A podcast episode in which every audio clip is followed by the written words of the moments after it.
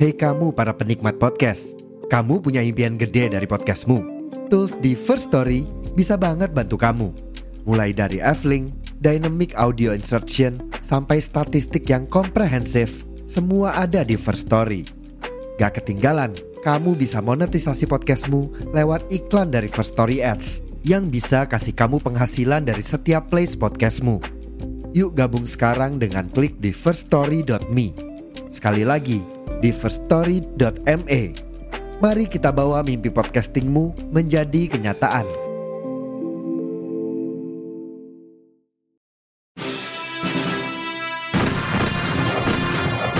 Saya berbicara di sini sebagai penyambung lidah rakyat Indonesia.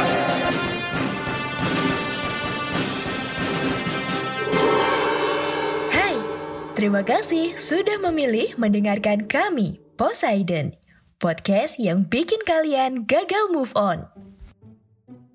Halo Sobat Masa Lalu, kita ketemu lagi di podcast sejarah Indonesia bersama saya Saifuddin Alif Podcast yang akan memberimu informasi masa lalu dengan cara kekinian Kali ini kita mau membahas tentang ideologi-ideologi besar dunia yang berpengaruh terhadap kemerdekaan bangsa-bangsa Asia Afrika. Tapi sebelum ke sana, yuk kita lihat dulu apa sih ideologi itu. Jadi, ideologi adalah sebuah sistem pemikiran. Ingat ya, sistem pemikiran atau pemikiran yang sistematik tentang persoalan publik, persoalan masyarakat yang berusaha diperjuangkan sebagai pondasi untuk mengatur masyarakat melalui politik. Jadi, perpolitikan suatu negara pasti menggunakan sebuah ideologi. Nah, nanti kita bahas beberapa ideologi itu. Lebih spesifik lagi, kita akan ngobrol soal ideologi yang menjadi dasar bagi bangsa-bangsa terjajah untuk membebaskan diri dari penjajahan bangsa-bangsa barat. Pertama adalah demokrasi. Nah, ini sering banget kita dengar ya. Kalau saya tanya apa itu demokrasi, jawaban paling umum adalah dari rakyat, oleh rakyat, dan untuk rakyat.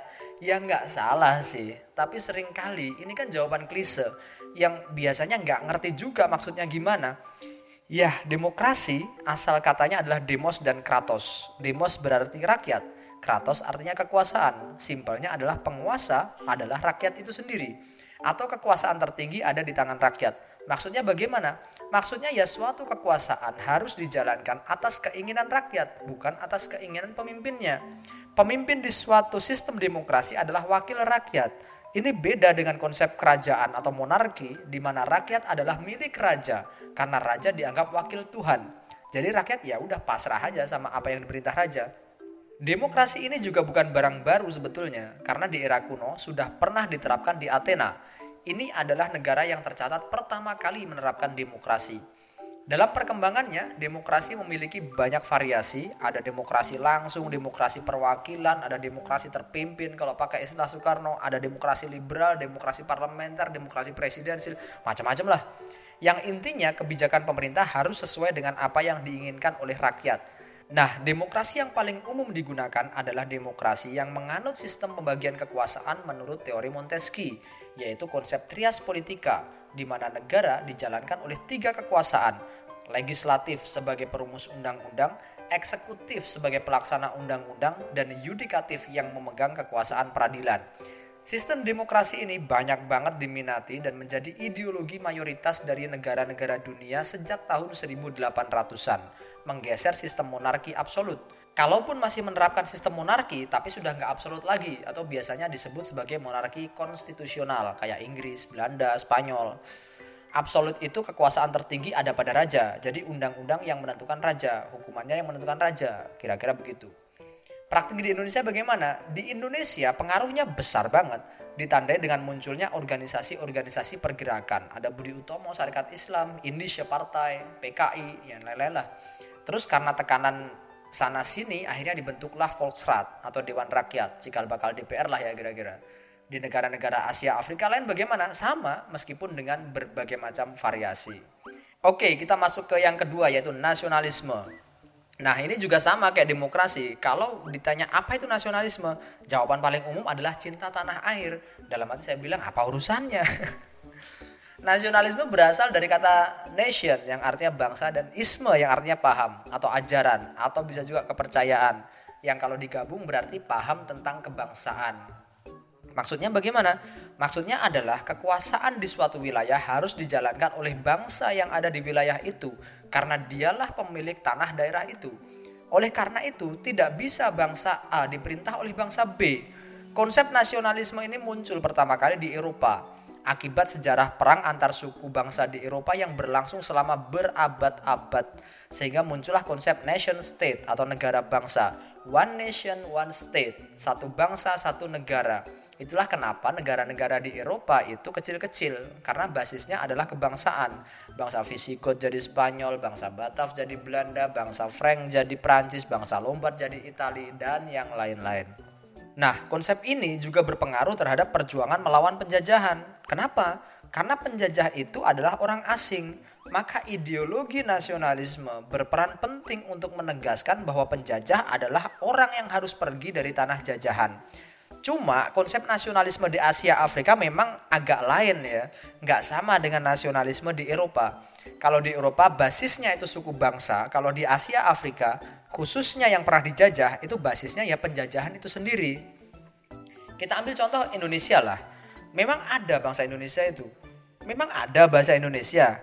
Memang ada tarikh khas Indonesia. Memang ada makanan khas Indonesia. Nggak ada. Kenapa nggak ada ya? Pada dasarnya Indonesia bukan bangsa. Indonesia itu terdiri dari banyak suku bangsa. Bahasa Indonesia itu adalah bahasa Melayu yang dimodifikasi dengan serapan-serapan asing tari-tarian ya tari-tari lokal, makanan juga begitu. Itu menunjukkan bahwa Indonesia secara genetik bukan bangsa. Lah terus bagaimana bisa muncul bangsa Indonesia? Ya karena penjajahan itu tadi. Perasaan senasib sepenanggungan yang menyatukan kita dan membuat kita sepakat untuk membangun sebuah bangsa baru. Loh, kok begitu? Ya memang begitu. Wilayah Indonesia itu bukan bekasnya Majapahit, no. Tapi bekas jajahannya Belanda Itulah kenapa Timur Timur dulu dilepas sama Pak Habibie. Ya karena dia nggak layak jadi Indonesia karena mereka jajahannya Portugis. Kenapa Singapura misal yang cuma secuil itu nggak dimasukkan Indonesia? Ya karena mereka jajahannya Inggris. Begitu. Hal yang sama juga terjadi di Malaysia, Filipina, Brunei dan yang lain-lain. Oke, kita lanjut ke yang ketiga ya, yaitu sosialisme. Apa itu sosialisme? Sosius artinya kawan, isme artinya paham, yang artinya paham tentang kawan. Loh, maksudnya gimana? Maksudnya adalah kekuasaan itu harus dikelola secara bersama-sama, dikerjakan secara bersama-sama dan hasilnya dinikmati bersama-sama. Rakyat jangan cuma nuntut ini itu tapi juga ikut kontribusi dong. Pemerintah juga gitu, jangan ambil enaknya aja jadi penguasa. Rakyat, rakyat juga dibagi dong. Nah, kira-kira begitu. Nah, tujuan sosialisme itu apa? Tujuannya adalah menciptakan masyarakat sosialis di mana rakyat secara bersama-sama bergotong royong mengelola alat produksi negara untuk kesejahteraan rakyat di negara itu. Gerakan sosialis ditandai dengan pertentangan kelas, yaitu antara si kaya dan si miskin. Di suatu negara tidak boleh terjadi kesenjangan yang tajam antara kaya dan miskin. Sekali lagi, kesenjangan yang tajam ya. Kalau kesenjangan ya pasti ada, tapi kalau tajam jangan sampai Intinya jangan jadi orang kaya sendiri dong. Ajak-ajak yang lain juga biar kaya, kira-kira begitu. Nah, cara menerapkannya bagaimana? Ya jadi penguasa. Kemudian diterapkan prinsip-prinsip sosialisme ini dalam kebijakan negara. Cara berkuasanya bagaimana? Ya ikuti mekanisme yang ada. Kalau pemilu ya ikut pemilu, menangkan hati rakyat. Nah, karena konsepnya seperti itu, sebagian kaum sosialis ini menganggap sosialisme itu ideologi yang cuma omong doang, omdo. Karena kalau caranya begitu ya mau sampai kapan jadi penguasa? Pasti kalah sama kaum kapitalis yang punya banyak duit. Atau istilah komunisnya itu, sosialisme adalah ideologi yang utopis, cuma mimpi. Nah, oleh karena itu sebagian kaum sosialis ini tadi mengembangkan sosialisme menjadi gerakan yang lebih ekstrim yang kemudian disebut komunisme. Tujuannya ya kurang lebih sama, cuma kalau komunis itu lebih ekstrim, yaitu menciptakan masyarakat komunis yang sama rata, sama rata kalau kaya ya ayo kaya bersama-sama. Kalau miskin ya ayo miskin bersama-sama. Jangan kaya sendiri dong. Nah, untuk menerapkan sistem komunis caranya bagaimana? Apa iya kayak sosialis tadi? Mau sampai kapan? Maka dari itu harus diambil cara cepat yaitu revolusi dengan cara menggulingkan pemerintahan yang kapitalistik yang diisi oleh orang-orang kaya yang menjadikan rakyat cuma pekerja untuk memperkaya si bos tadi. Revolusi itu caranya bagaimana? Ya perang, mau gimana lagi? Dan dalam doktrin revolusi memang selalu harus ada korban. Jadi kematian dalam revolusi itu dianggap sebagai pengorbanan untuk membuka pintu gerbang menuju masyarakat komunis. Nah, sosialisme dan komunisme ini menjadi dua ideologi yang cukup agresif dalam melawan penjajahan Belanda. Kalau komunisme praktis cuma PKI yang pakai ya. Tapi kalau sosialisme hampir semua tokoh bangsa kita menggunakan ideologi ini untuk melawan penjajah. Bahkan Cokro Aminoto pun juga seorang sosialis yang memadukan antara sosialisme dengan Islam. Tapi kalau bagi Cokro Aminoto sendiri sih nggak memadukan ya, karena Islam itu pada dasarnya ya agama yang sosialis, yang berpihak pada wong cilik gitu. Jadi Soekarno sosialis, Hatta sosialis, Cokro Aminoto sosialis, hampir semuanya sosialis. Karena memang ini ideologi yang dahsyat untuk melawan Belanda yang kapitalis. Mungkin ada yang tanya, dari tadi kapitalis, kapitalis, apa sih kapitalis itu? Kapitalisme itu ideologi yang bertumpu kepada kapital atau modal. Jadi orang kalau mau sejahtera, mau kaya, ya harus gede modalnya. Mau untung besar, ya modalnya harus besar. Nanti keuntungannya ya dinikmati pemilik modal. Pegawai-pegawai digaji sekedarnya saja. Alat produksi ya punyanya pemilik modal, bukan punya rakyat. Nah, kira-kira begitu. Nah, yang keempat adalah Islam. Kalau ini spesifik di Indonesia dan negara-negara Islam ya, nggak secara umum di Asia Afrika. Dan kalau kasus di Indonesia ini nggak bisa dibantah dan gak usah saya bahas panjang lebar karena kalau doktrin soal Islam ya kita semua udah ngerti lah. Cuma kenapa Islam dianggap sebagai ideologi yang berpengaruh dalam melawan penjajahan? Karena Islam itu menjadi tali pengikat untuk melawan bangsa penjajah yang diidentifikasi sebagai kaum kafir. Dan dalam konteks penjajahan, Belanda adalah kaum kafir harbi, yang artinya orang kafir yang layak untuk diperangi maka perlawanan terhadap penjajah sebelum era pergerakan nasional ya, itu kan didominasi oleh umat Islam yang sebagian besar berawal dari pesantren, perang Jawa, perang Padri, perang Aceh dan yang lain-lain. Itu kan Islam yang jadi tali pengikatnya. Gitu. Selain empat ideologi itu, sebetulnya ada beberapa ideologi lain cuma nggak terlalu determinan kayak liberalisme, pan-islamisme, terus apa lagi ya? Kapitalisme mungkin. Tapi sekali lagi nggak besar pengaruhnya dan oke, okay, kira-kira itu dulu. Terima kasih bagi yang sudah mendengarkan podcast ini sampai selesai. Sampai jumpa di podcast-podcast yang lain. See you.